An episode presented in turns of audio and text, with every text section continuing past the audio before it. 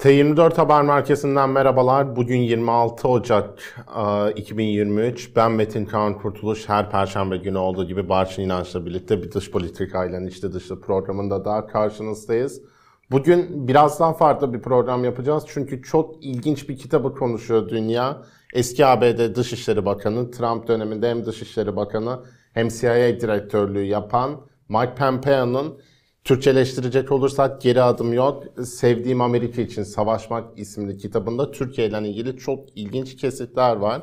İlk önce birazcık 15 Temmuz darbe girişimiyle ilgili olan kısımları konuşalım Barçın. 2019'da bir toplantı yapıldı. Mike Pence, dönemin başkan yardımcısı Mike Pence ve Mike Pompeo birlikte Türkiye'ye geldiler. Ankara'da Erdoğan'la görüştüler. Nedendi bu ziyaret?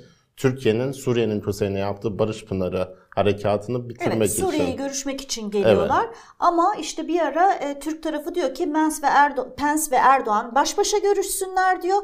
Ve bu baş başa görüşmeyi Pompeo'yu içeri almıyorlar. Pompeo ise bir süre sonra bu görüşmeye girmek istiyor. Çünkü bir endişesi var evet. değil mi? Endişesi de kendisine CIA direktörüyken izletilen 3 saatlik bir 15 Temmuz darbe girişimiyle ilgili belgesel Diyor ki bu belgesel benim için bir akıl sağlığı sorunu olarak nitelendirilebilir ve Pence bunu izleteceklerinden endişe duydum diyor. Hatta iğrendiğini söylüyor belgeselden. Buradan evet 2016 darbe videosu o kadar uzun ve o kadar iğrençti ki bunun bir akıl sor- sağlığı sorunu olduğunu düşündüm e, e, dedi diyor ve e, işte bu bu darbe videosunun e, e, Pense seyrediliyor olmasından duyduğu e, rahatsızlığı iletiyor. Şimdi biz buradan neden başlıyoruz? Çünkü 2016 darbe girişimi Türkiye ile Amerika arasındaki e, ilişkilerde çok ama çok önemli bir e, travma e, yarattı. Neden? E, şu an itibariyle Türk bürokrasisine o zamandan beri ama şu, şu bugün itibariyle de Türk bürokrasisinde en azından dışişleri bürokrasisinde bu darbenin arkasında e, Amerika'nın olduğu yönünde çok ciddi e, yaygın bir e, kanaat var. Bunun tek nedeni Fethullah Gülen'in Amerika'da olması değil. E, çünkü sonuç olarak evet Amerika o tarihlerde seçim e, e, sürecinde bir hafta sonu e, ve fakat örneğin Türk Büyükelçisi defaatle Beyaz Saray'ı arıyor. Defaatle bu darbenin e, e, kınanması için açıklama yapın diye bastırıyor. Bir türlü karşılık alamıyor ve gele gele 15 e, Temmuz'da Amerika'dan öyle bir açıklama geliyor ki hani Türkiye'de neredeyse e, e, daha da öfkeyle karşılanan bir e, açıklama geliyor Amerika Birleşik Devletleri'nden. Evet şimdi ekranınıza yansıyacaktır. Bize göre tabii 16 Temmuz olmuştu. Saat 2 civarındaydı ve John Kerry Dışişleri Bakanı ABD'nin o dönem diyor ki Dışişleri Bakanı Çavuşoğlu'yla konuştuk ve demokratik olarak seçilmiş hükümete desteğimizi belirttik diyor özetle. Evet Çok ama orada asıl en önemlisi diyor ki aman diyor taraflar şiddet kullanılmasın. İşte tarafları soğukkanlı olmaya çağırıyoruz. Kardeşim ne tarafları? Taraf Türk tarafı diyor ki yani burada hani iki eşit taraf yok demeye getiriyor. Hani burada bir demokratik bir e, yöntemle seçilmiş bir hükümet var. Onu devretme, devirmeye çalışanlar var ve siz bunları iki e, eşit e, parçaymış gibi taraflar olarak gösteriyorsunuz. Bir kere bu da son derece sinirlendiriyor Ankara'yı. Ama e, her ne kadar tabii Amerika biz bu darbenin içinde değiliz dese de e, sonradan e, Türk yetkilileri aslında e, Barack Obama'nın o dönem ABD başkanı olarak Barack Obama'nın darbe sırasında situation room denen yani kriz anlarında başkanların olduğu odada olduğu yönünde bir takım bilgilere ulaşıyorlar. Onun dışında darbe sonrası sonrasında yaşananlar da Türk bürokrasisinde açıkçası Amerika'nın darbedeki parmağına dair e, bazı e, e, o kanaati açıkçası güçlendiriyor. Çünkü darbe sonrasında Türkiye tabi yurt dışına dünyaya yayılan Gülencilerin peşine düşüyor ve onlara dair mücadelede de hep perde arkasında Amerika'ya tosluyor. Yani Gürcistan gibi diyelim Arnavutluk gibi Türkiye'ye gayet müzahir olan ülke ülkeler ve hani bunların çıkıp da ya işte benim demokratik standartlarım var ben onu yapamam bunu yapamam diyemeyecek olan ülkelerde bile zorlukla karşılaşmasını Amerikalılara bağlıyor ve kimi zaman şunları görüyor işte Amerikan Büyükelçiliği yetkilileri X bir ülkede e, Gülencilerin evine girip çıkıyorlar. Dolayısıyla e, bunu yani Türk-Amerikan ilişkilerini incelerken bugün gelinen noktada yaşanan travmaları anlamaya çalışırken e, bu darbe meselesinin e, önemli olduğunun altını çizmek gerekiyor. Çünkü iki taraf hala bu darbe meselesini arkaya koyamamış durumda. Şimdi Pompeo'nun kitabına geri dönüyoruz. Pompeo Trump dönemi e, liderlik yapan, yönetimde yer alan e, birisi. Darbe olmuş, darbenin hemen akabinde Trump yönetimi Washington'da iktidara gelmiş ve e, 2017 e, ilk aylarında da Türkiye ile Amerika arasında görüşmeler yapacak. Şimdi o sırada en önemli konulardan bir tanesini Suriye Trump yönetimi Suriye'de nasıl ilerlemesi gerektiğine karar vermek durumunda. Türkiye Obama döneminden itibaren izlenen politikadan son derece rahatsız ama şöyle bir düşüncesi var. Ya bu Trump bize yakın bir adam olabilir. Hatta biz Trump'ın yakınlarındaki birkaç kişiyi de kafa kola aldık diye düşünüyorlar. Dolayısıyla e, Trump'ın üzerinde etki e, yapmak istiyorlar e, ve özellikle de Suriye konusunda Kürt güçlere doğru yönelimin önünü kesmeye çalışıyorlar. Ama anlıyoruz ki e, Trump e, e, dönemi e, ilk aylarından itibaren özellikle e, Pentagon, özellikle Savunma Bakanlığı tercihini e, e, Kürt Suriye'deki YPG'den yani Türkiye'nin PKK'nın uzantısı olarak gördüğü YPG'den yana yapmış. Burada şu alıntıyı da okumak gerekir sanıyorum. Dönemin yine Pompeo'nun kaleminden dönemin Genelkurmay Başkanı Danford Türkiye içinde eğitim gören Türk işgal gücünü görmeye gitti. Burada işte Türkler, Türk işgal evet, gücünden kasıt Aslında ÖSO'dan söz ediyor o ihtimalen. dönemde ihtimalen diye düşünüyoruz. Türkler bu ziyareti defalarca erteledikten sonra nihayet birlikleri gözden geçirmesine izin verildi. Gördükleri onu Türklerin yoğun ABD desteği olmadan işi diyenme şansının sıfır olduğunu ikna etti. Bunun peşine de diyor ki SDG'yi desteklemeye karar verdi ABD. Bununla ilgili yapabileceğimiz alıntı da başkana SDF ile çalışması gerektiğini açıkladık ve kabul etti. Başkan dediği Trump burada tabii ki. Bu durumda Türklere kötü haberi vermek bendeniz ve Ulusal Güvenlik Danışmanı McMaster'a düştü. Görüşmede evet. kötü geçti diyor Türklerle evet. yapılan Şimdi, görüşme için. Yine Türk-Amerikan ilişkilerinde çok travma yaratan ve bugün bile ilişkileri zehirleyen bir tercihten bahsediyoruz. Yani Amerika Birleşik Devletleri diyor ki IŞİD'le mücadele için ben Türkiye'yi değil YPG'yi, Suriye Demokratik Güçleri ne seçiyorum diyor. Türkiye'nin gözünde SDG diye bir şey yok. Türkiye'nin gözünde bahsedilen şey PKK. Şimdi burada filmi biraz geriye almamız gerekiyor ve o, o süreci biraz daha iyi anlamamız gerekiyor. Neden Amerika Birleşik Devletleri böyle bir tercih yaptı?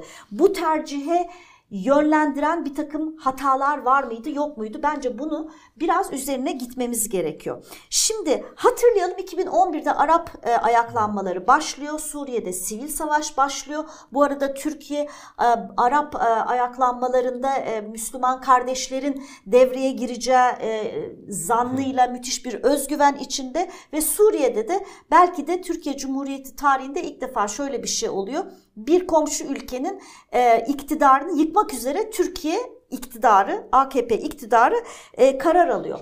Fakat AK Parti iktidarının okuyamadığı şöyle bir durum var. O da e, bahar Arap Baharı sönümlenmeye başlıyor ve aslında Batı e, başta Amerika olma Birleşik Devletleri olmak üzere Müslüman kardeşlere desteklemek istemiyor. E, çünkü siyasi İslam'ın e, iktidara gelmesinden rahatsız. Obama da önce işte efendim Suriye'de kimyasal silah kullanılırsa e, ben işte bu benim kırmızı çizgim olur diyor. Ama sonra kimyasal silah kullanmasına rağmen Obama hiçbir şey yapmıyor. Yani anlaşılıyor ki artık Amerika ve Batı Suriye'de özellikle Beşar Esad'ı devirmek için özel bir çaba gösterip göstermeyeceği konusunda soru işaretleri oluşuyor. Fakat işte Türkiye o aşamada bunu tam olarak e, okuyamıyor. Neden? Aslında Beşar Esad kendince çok akıllıca bir strateji izlemeye başlıyor. Hapiste ne kadar radikal İslamcı varsa bunları serbest bırakıyor ve birdenbire ortaya kafa kesen cihatçı radikaller çıkıyor ve Beşar Esad dünyaya şu mesajı veriyor. Eğer siz beni devirirseniz benim yerime kafa kesen İslamcı radikaller gelecek diyor. Dolayısıyla bir noktadan sonra Amerika ve Batı için öncelik e, Beşar Esad'ı devirmek değil, öncelik IŞİD'le mücadele haline geliyor. İşte Türkiye bu noktada o okumayı doğru yapamadığını düşünüyorum AKP'nin. E, çünkü o sırada da hatırlayalım Türkiye'de de işte bir çözüm süreci var. Kürt çözüm süreci var. E, 2013 yılları içindeyiz. E, fakat bu çözüm süreci de çok rahat ilerlemiyor. Türkiye bakıyor ki batıdan yeterli desteği alamayacak. Acaba diyor ben Beşar Esad'ı devirmek için hani radikal değil ama ılımlı, radikalin ılımlısı e, e, şeylerle, İslamcılarla işbirliği yapabilir miyim diye e, düşünüyor. Hatırlayalım o sırada işte sınırlardan her türlü işte cihatçılar giriyor çıkıyor. Türkiye eleştirilmeye başlıyor. Fakat bir noktada da yine Türkiye çözüm süreci yani Türkiye'deki çözüm süreci, Kürt çözüm süreci e, yalpalamaya başlayınca Türkiye'nin de önceliği yavaş yavaş Beşar Esad'ı devirmekten e, Suriye'de güçlenmekte olan ve kendi açısından e, ağırlıklı olarak PKK'nın e, kuvvetli olduğu e, Suriye Kürtlerine dönük yani PKK'ya dönük e, mücadeleyi e, öncelemeye başlıyor açıkçası. Kendisi için de bu önemli. Şimdi bu da dünyaya şöyle bir imaj veriyor. E, Türkiye'nin derdi artık Beşar Esad'ı e, devirmek değil. Türkiye'nin derdi özellikle de işte radikal unsurları da yani onların ılımlılarını seçip e, onlarla PKK'ya e, e, PKK ile mücadele etmek. Şimdi bu anlamda özellikle Ekim'in Ekim 2014 Kobane kuşatması yani e, e, Kobane'nin yani bir Kürt e, e, Kürtlerin ağırlıkta olduğu bir bölgenin e, IŞİD tarafından kuşatma kuşatma altına alınması bence e, önemli dönüm noktalarından bir tanesidir. Çünkü e, burada özellikle bütün dünya e, e, bu kuşatmaya e, Türkiye'nin müdahale edip e, bu kuşatmayı kırmasını istedi. Şunu da unutmayalım ki demin söyledim içeride e, Kürt çözüm süreci yalpalarken bir taraftan da PKK şöyle bir fırsat yakalıyor. Ben dünyaya kendimi radikal İslamcılara mücadele eden örgüt olarak e, gösterebilirim. Kendimi böyle prezente edebilirim. Hatırlayalım böyle en önde işte kadınlar silahlanmış ve e, e, savaşıyorlar.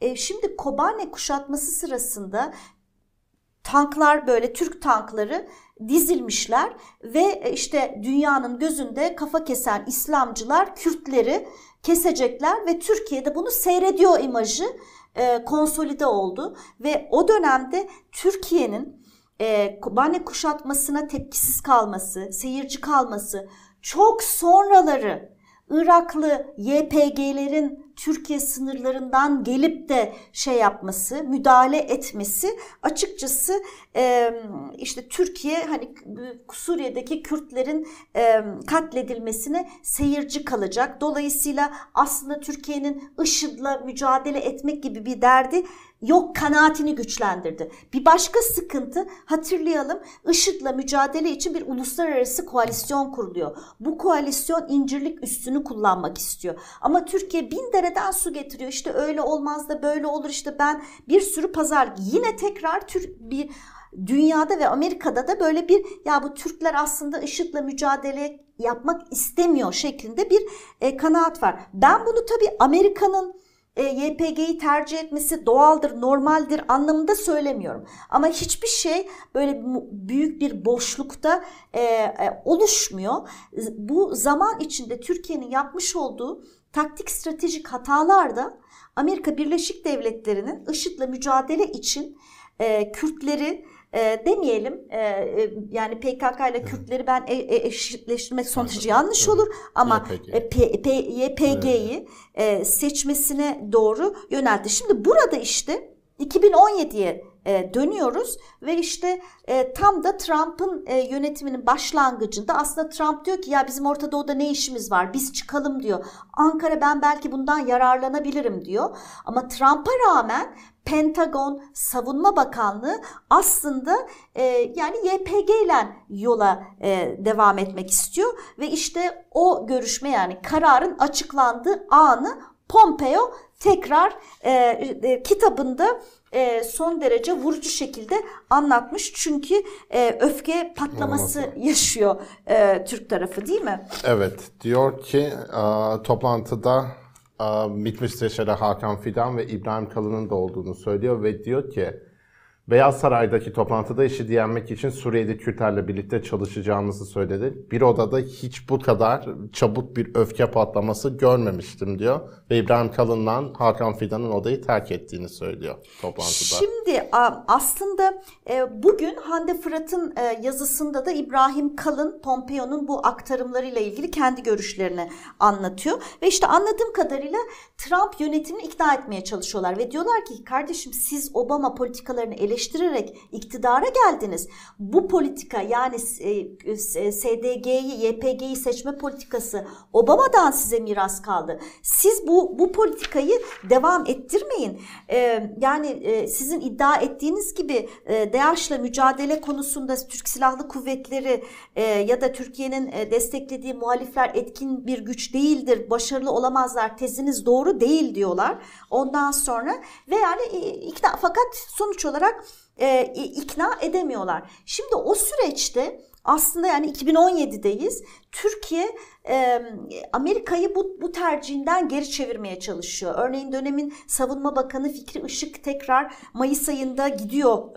E, 2017 Mayıs'ında gidiyor e, ve işte Amerikalılarla tekrar konuşuyorlar. Amerikalılar bana gelen bilgilere göre Amerikalılar diyorlar ki ya siz girerseniz Suriye'ye yani ne kadar kaç kişilik bir orduyla yani e, rakam önemli değil e, gibi bir şey söylüyor. Yani iktidar aslında e, e, gerçekten hani eyvah biz geç kaldık yani işte bu Kobane'de girmedik vesaire geç kaldık bari şimdi hani aktif bir e, şekilde girebiliriz mesajını vermeye çalışıyor ama e, geç kal kalındığı için Amerikalılar da kesin artık o tarihlerde e, kararlarını verdikleri için e, zannediyorum o dönemde Türk ordusu da çok büyük bir heyecanda göstermediğini e, anlıyorum e, ve e, sonuç olarak e, Amerikan tarafında iyice bir kanıksama yani o, o, o tercih artık e, bayağı bir e, yerleşiyor. Şimdi bu bu noktada tekrar 2019'a e,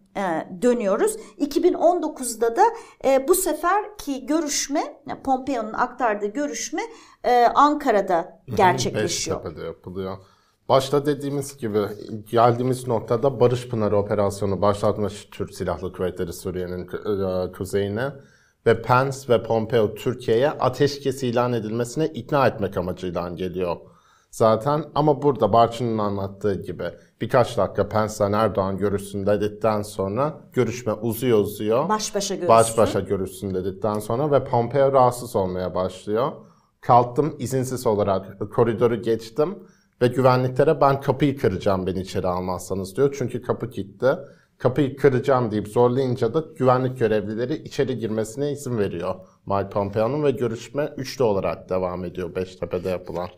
Evet, şimdi burada gene e, İbrahim Kalın e, anladığım kadarıyla Hande Fırat'a bugün Hürriyet gazetesinde yayınlanan e, köşesinde neler olduğunu a, aktarmış. Başa dönersek işte Pence ne zannediyor? Eyvah e, pardon Pompeo ne zannediyor? A, acaba Pence'e işte o video mu e, gösteriliyor diyor.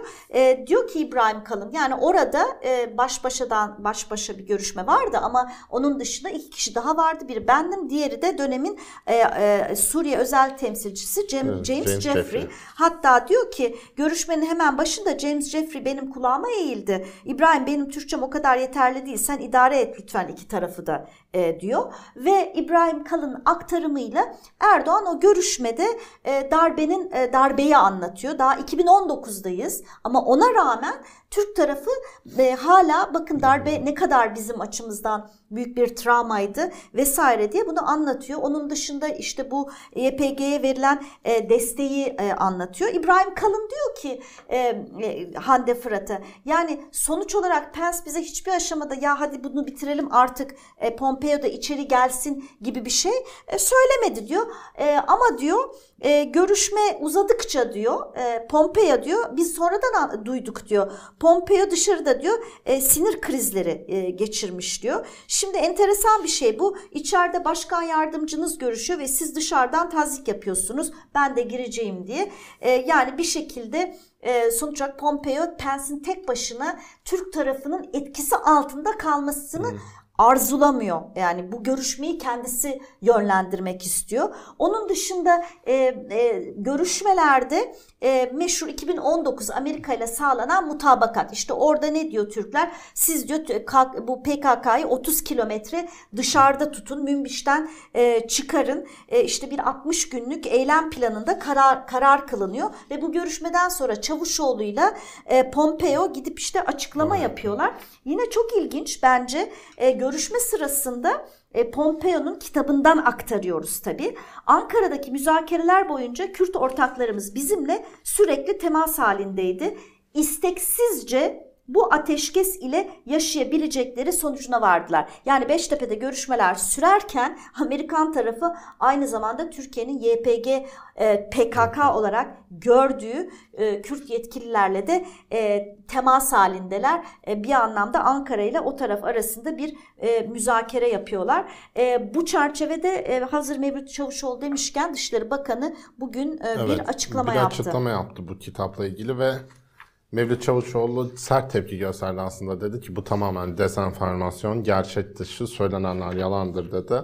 Hatta ve hatta kitabın çıkış zamanıyla ABD'de de yapılan yorumu benzer bir yorum yaparak Mike Pompeo seçim kampanyasına başlamış dedi özette. Bunu da başkanlık adaylığını desteklemek için işte ABD'de de bu konuşuluyor. Ya Pompeo yaptığı kahramanlıkları tırnak içinde anlatıyor diye Mevlüt Çavuşoğlu da bunun bir seçim kitabı olduğunu söylemiş aslında. Evet, öte yandan kitapta tabii e, Türk-Yunan e, ilişkileri bağlamında Amerika ile Yunanistan'ın e, o son dönemde artan işbirliğinin perde arkasında e, kimin olduğunu da e, bir kere olduk. daha öğrenmiş oluyoruz değil mi? Çünkü Yunanistan'la ilişkileri nasıl derinleştirdiğini gururla anlatan bir Pompeo var. Evet zaten kendisi de diyor ki hedefim buydu ve yaptığımdan gurur duyuyorum. İlişkileri iyileştirdim diyor ve attığı değişim noktası olarak gördüğü şey de Kasım 2022'de yapılmamış bir şekilde Yunan Dışişleri Bakanı'na yazdığı mektupta Yunanistan'ı bölgede bir istikrar direği olarak övmesi olduğunu Sonra da Türkiye hesaplı provokasyonlarına son vermeye ve Yunanistan ile derhal istişafi müzakerelere başlamaya çağırması olarak evet. gösteriyor. Şimdi bu 2020 ama daha öncesine gitmemiz gerekiyor. Çünkü ortada bir Doğu Akdeniz'de İsrail, e, Güney Kıbrıs Rum yönetimi, Yunanistan e, ve Mısır'ın oluşturduğu bir e, Doğu e, Akdeniz gaz e, projesi ve platformu var. Bu ülkelerin temel ortak noktalarından biri de Türkiye karşıtlığı ve e, e, enteresan bir şekilde yani o dönem bizim de soru işaretimiz vardı. Yani neden böylesine bir cepheleşmeye e, e, hani Amerika biraz daha dengeli durmuyor diye. İşte tam e, bu cep, bu cepheleşmeye Amerika Pompeo'nun bir tercihi olarak destek veriyor ve e, diyor ki e, Pompeo e, yine kitabında e, Mitsotakis ile odak noktamın çoğu Türkiye'nin Akdeniz'de yaşadığı enerji aramasıyla ilgiliydi diyor. Ee, pardon yaşadığı değil yasa dışı enerji aramasıyla ilgiliydi diyor. Tarihte ilk kez 2019'da bir ABD Dışişleri Bakanı bölgede enerji arama çalışmalarını görüşmek üzere İsrail, Yunanistan, Kıbrıs üçlü toplantısına katıldı diyor. Yani e, oradan anlıyoruz ki gayet memnun Türkiye'nin karşısında Doğu Akdeniz'de ayrı bir cepheleşme olmasına memnun ve buna da Amerika olarak destek veriyor ve e, açıkçası e, onun dışında e, sadece e, Türk-Yunan ilişkileri bağlamında değil ama e, özellikle e, Türkiye'ye yapmış olduğu İstanbul gezisinde de e, Ankara'dan ne kadar haz etmediğini bir kez daha anladığımız bir bölüm daha var. Evet bu Kasım 2020'deki ziyaret bizim meslektaşlarımızın özellikle çok iyi hatırlayacağı bir ziyaretti. Çünkü Mike Pompeo Türkiye'ye geldi, İstanbul'a gitti.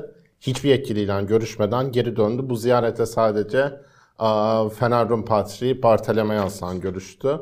Bunun da perde arkasını kitapta şöyle anlatmış.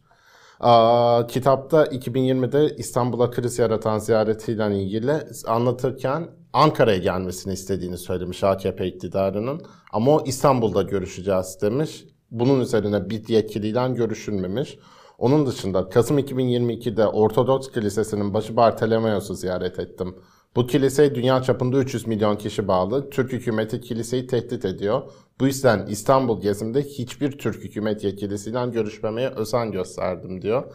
Zaten evet, o sonra yaptığı açıklamada da bir mesajdı. Bu kilise bağımsız devletten ayrı ve özgür kalmalıdır. Cumhurbaşkanı Erdoğan ve Dışişleri Bakanı Çavuşoğlu mutlu olmadılar ama Ortodoks dünyası Amerika'nın Allah'ın verdiği inançlarını koruma haklarını desteklediğini anladı diyor. Şimdi o dönem ben hatırlıyorum. Ben o zaman sordum da yani bu Pompeo'nun derdi nedir diye. Bana Türk yetkililerin söylediği kendisinin böyle evangelist e, ve dini tarafının, dini boyutunun çok kuvvetli e, olduğu ifade edilmişti.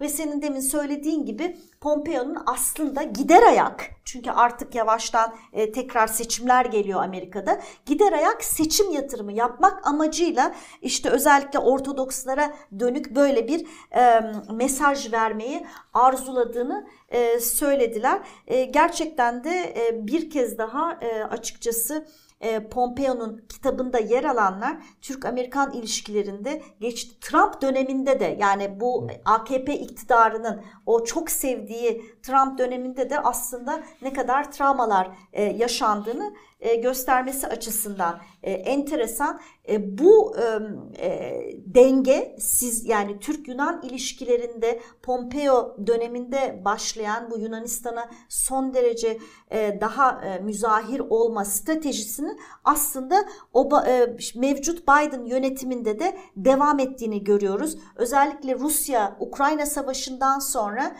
Amerikan tarafı Kıbrıs Rum kesimini kendi tarafına çekebilmek amacıyla çünkü Kıbrıs Rum kesimi Rusya'ya çok yakındır. Onlara silah ambargosunu kaldıracağını ilan etti. E, Amerikan Savunma Bakanı ile Kıbrıs Rum Savunma Bakanlığı arasında işte bir takım e, işbirliği e, şemalarından, e, e, işbirliği olanakları kurulacağından e, bahsedildi. Tabii Ankara'da buna e, tepkisiz kalmadı.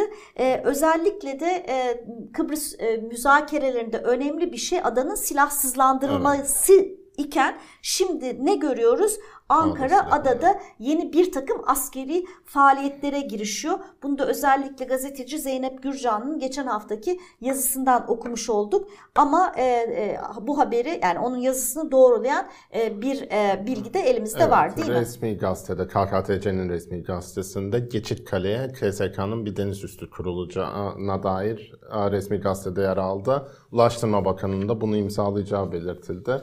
Geçitkale de tabii ki KKTC için stratejik olarak önemli bir nokta. Buraya bir üst kurulması da dediğim gibi müzakerelerle ilgili okunabilir aslında. Dedikten sonra bu konuyu konuşmuş olduk. Pompeo'nun kitabı aslında John Bolton'un kitabıyla peş peşe bakınca Barçın'ın da dediği gibi Trump döneminin AKP iktidarı için de ne kadar zorlu ve sıkıntılı geçtiğini gösteriyor. İki kitapta bize perde arkası sunmuş oldu birazcık. Şimdi biraz daha güncele dönelim Barçın ve Çünkü... Amerika ile ilişkilerde e, yine kısa yine bir gölge yaratan e, İsveç Norveç'in e, NATO üyeliğinden bahsedelim diyorsun. Evet birçok olay oldu bir senden son programımızı yaptığımızdan beri. Tabi bunlardan en büyük krizi yaratan Danimarkalı siyasetçi Paludan'ın Türk Büyükelçiliği önünde Kur'an yakmasına izin verilmesi oldu İsveç tarafından. Bu ipleri gerdi. Erdoğan dedi ki İsveç bizden NATO'ya dair destek beklemesin artık dedi. Bunun peşine Hulusi Akar'la İsveç Savunma Bakanı'nın yapacağı görüşmenin ertelendiğini öğrendik. Üçlü mekanizma görüşmelerinin ileri bir tarihe kadar yapılmayacağını öğrendik. Bunlar genel gelişmeler. Bir de bir başka önemli gelişme de Finlandiya ilk defa ayrı ayrı bir katılım olabileceğine dair NATO'ya sinyal verdi ama sonra hızlıca bu yanlış anlaşılmaymış gibi konuşmaya çalıştı. Genel bir haftayı değerlendirelim istersen. Birlikte. Evet ama bir son e, gelişmeyi de hemen söyleyelim Finlandiya ile ilgili. Hı hı. Finlandiya'da Ona zannediyorum. Ona sonra gelecektim. Silah embargosunu kaldırdı Türkiye'ye karşı. Evet. E, hani açıkçası ben zaten e, seçimlerden önce İsveç Finlandiya'ya dair bir kararın olgunlaşmasını beklemiyordum. E, o nedenle e, hani benim açımdan sürpriz olmadı. Sürpriz olmayan bir başka şey özellikle İsveç'te de Türk karşıtı, Türkiye karşıtı grupların e, provokasyonu provokasyon yapacağını beklememiz e, normaldir. Burada önemli olan genel anlamda e, bu tür provokasyonların mesela Kur'an yakma gibi e, provokasyonların Hollanda'da da bir benzeri oldu. Bunun arkasında Rusya'nın olup olmadığı. Yani deniyor ki bu, bu tür olayların arkasında Rusya'nın olması muhtemeldir. Çünkü İsveç ve Finlandiya'nın NATO üyeliğinin gecikmesi, Türkiye ile NATO müttefiklerinin arasının açılması kime yarayacak? Rusya. Rusya'ya yarayacak. O nedenle e, ha e, zaten Cumhurbaşkanı Erdoğan da bundan e, tedirgin mi? Tam tersi. Belki de gayet de memnun çünkü bunu bir iç politika e, e, malzemesi olarak e, kullandığı için hani bunun arkasında Rusya vardıysa bile Ankara Erdoğan bazında bundan rahatsız mıdır? Çok da emin değilim ee, e, ama her halükarda e, sanki seçimler sonrasına kaldı. Ama şunu unutmayalım ki tüm bunlar e, biz derdimizi açıklayamadığımız için tam anlamıyla e, bütün batıya, batı müttefikini sabote eden e, Türkiye'miş gibi yani o imajın daha yerleşmesine de yol açıyor. E, bunun da ileride e, bir takım e, muhakkak ki e, sonuçları olacaktır. Ama bu bunun paralelinde yapılan ama işte Türkiye işte NATO Türkiye'yi e, çıkarır atar vesaire gibi tartışmaların son derece boş olduğunu düşünüyorum. Çünkü e, Türkiye NATO'da çok önemli görevler ve sorumluluklar üstlenen e, bir ülke. Daha e, geçtiğimiz birkaç gün önce NATO'da özel bir önemli bir e, deniz komutanlığı görevi üstlendi e, Türkiye. Hatta Türk askeri yetkililerin açıklamasına göre NATO'da böylesine bir görev üstlenecek 5 ülke var sadece. Bunlardan bir tanesi de e, Türkiye. O nedenle yaratmış olduğu huzursuzluğa rağmen ben e, Türkiye NATO'nun e, NATO'daki ülkelerin Türkiye'nin NATO'dan ayrılmasını isteyeceklerini düşünmüyorum. Ama elbette ki bu tür tartışmaları e, bir şekilde alevlendirmeye çalışacaklardır psikolojik baskı e, koymak için. Muhakkak dediğin gibi İsveç Başbakanı da bunun bir sabotaj olabileceğini dile getirdi bu tür eylemlerin Madem zaten. öyleydi keşke öyleydi evet. o zaman o sabotajı evet, işte. Bunun asıl tepkinin İsveç polisinin eyleme izin vermesi olduğu üzerinden olduğunu da vurgulamak lazım. Finlandiya'nın silah ambargosunu kaldırması da Türkiye'nin geçen sene Haziran'daki üçlü mutabakatta Finlandiya'dan talep ettiği şeylerden biriydi. Yani Finlandiya bir çentit dağıtabilecek bu teliflerin üstüne diyelim ve hızlıca gözden kaçmasına geçelim. Cumhurbaşkanı Erdoğan'ın Polonya'ya ondan sonra da Almanya'ya ziyaret yapacağı konuşuluyordu bu hafta. Hatta bunu biz Alman kamu yayıncısı DV'den de duyduk. Sonra bu görüşme biraz malakta kaldı.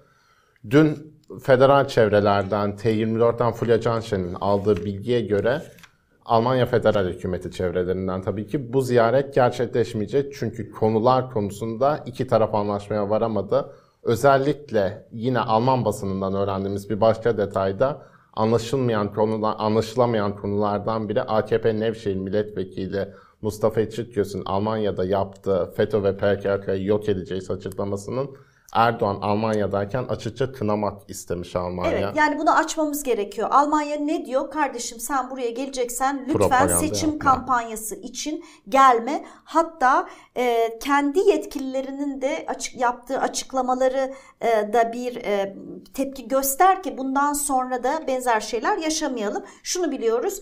Türk tarafı uzun bir süredir Almanya'ya gitmek istiyor. Oradaki vatandaşlara mesaj vermek istiyor. Ama Almanya'da özellikle de seçim dönemi nedeniyle böyle bir ziyarete e, olumsuz bakıyor. Anladığımız kadarıyla bu saatten sonra da böyle bir ziyaretin olmasının zor olduğunu gö- görmek durumundayız. Hazine ve Maliye Bakanı Nurettin Nebati onun aksine bir ziyaret gerçekleştirdi bu hafta. Brüksel'e gitti. Burada temaslar tabii ki önemli konular. Avrupa Birliği'nde özellikle Brüksel'de yapılan Türkiye ekonomik sistemi, çok eleştirilen ekonomik sistemle ilgili sunum. Orada anlatılması, Nebati'nin de bunu sunması, Türk basının da çok geniş yer bulmasa da tabii ki gözden kaçmasın diyeceğimiz bir konu. Bir başka gözden kaçmasın diyeceğimiz konu meslektaşımız Yıldız Yazıcıoğlu ile ilgili VA muhabiri Devlet Bahçeli Sinan Ateş'le, öldürülen Sinan Ateş'le ilgili bir soru sorduğu için Devlet Bahçeli önce ona işine bak dedi. Daha sonra korumalar tarafından itildi. Burada korkunç olan birçok şey var ama gazetecinin işi temel olarak nedir Barçın? Sorgulamak, soru sormak. Evet gayet üstelik de soruyu gayet e, e, nazik bir, nazik biçimde, bir soruyor. biçimde soruyor ama sonrasında arkadaşımıza da ülke ocaklarından MHP camiasından da çok ağır ve yoğun e, tehditler yöneltiliyor.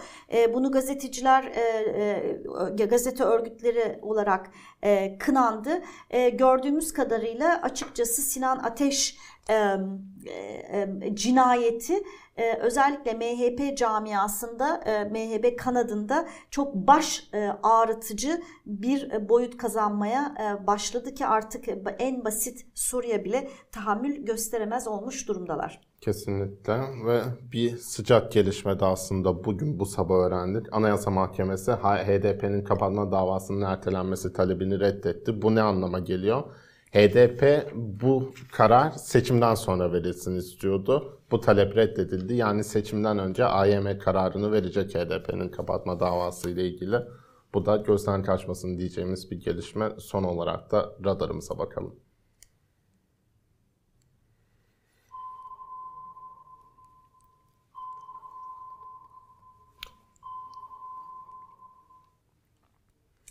Evet seçim tarihi yaklaşıyor. Cumhurbaşkanı Erdoğan geçen hafta 14 Mayıs'a işaret etti. Bunun için de tabii ki Altılı Masa'nın da faaliyetleri hızlanıyor. Bugün Altılı Masa toplanacaktı. Şu saatler itibariyle Altılı Masa liderlerinin bir araya gelmiş olması lazım biz bu programdayken.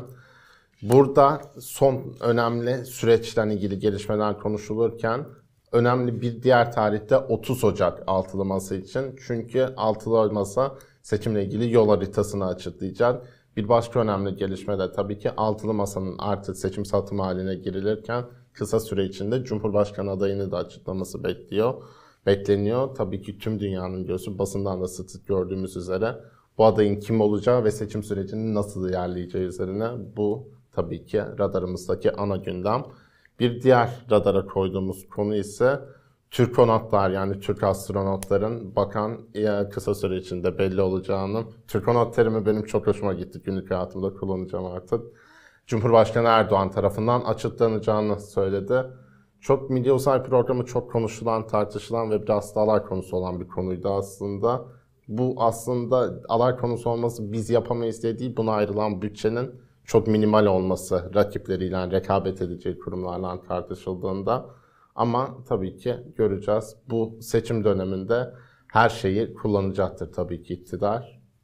Göreceğiz ne olacağını diyelim. Evet, Ve... konatlar kimin ve hangi kritere göre e, e, seçilmiş e, bakacağız ama tabii ki artık önümüzdeki dönem çoğunlukla takip edeceğimiz ve radarada olacak olan şey seçim, seçim. süreci özellikle 30 Ocak'ta bizim açımızdan, bizim programımız açısından da ele alacağımız konu elbette ki Altılı dış Masa'nın politika. dış politika programı olacak diyelim. Evet. Ve bu hafta için programımızı noktalayalım. Gelecek Perşembe her zaman olduğu gibi aynı yer aynı saatte görüşmek üzere. Kendinize iyi bakın. İyi haftalar. İyi haftalar.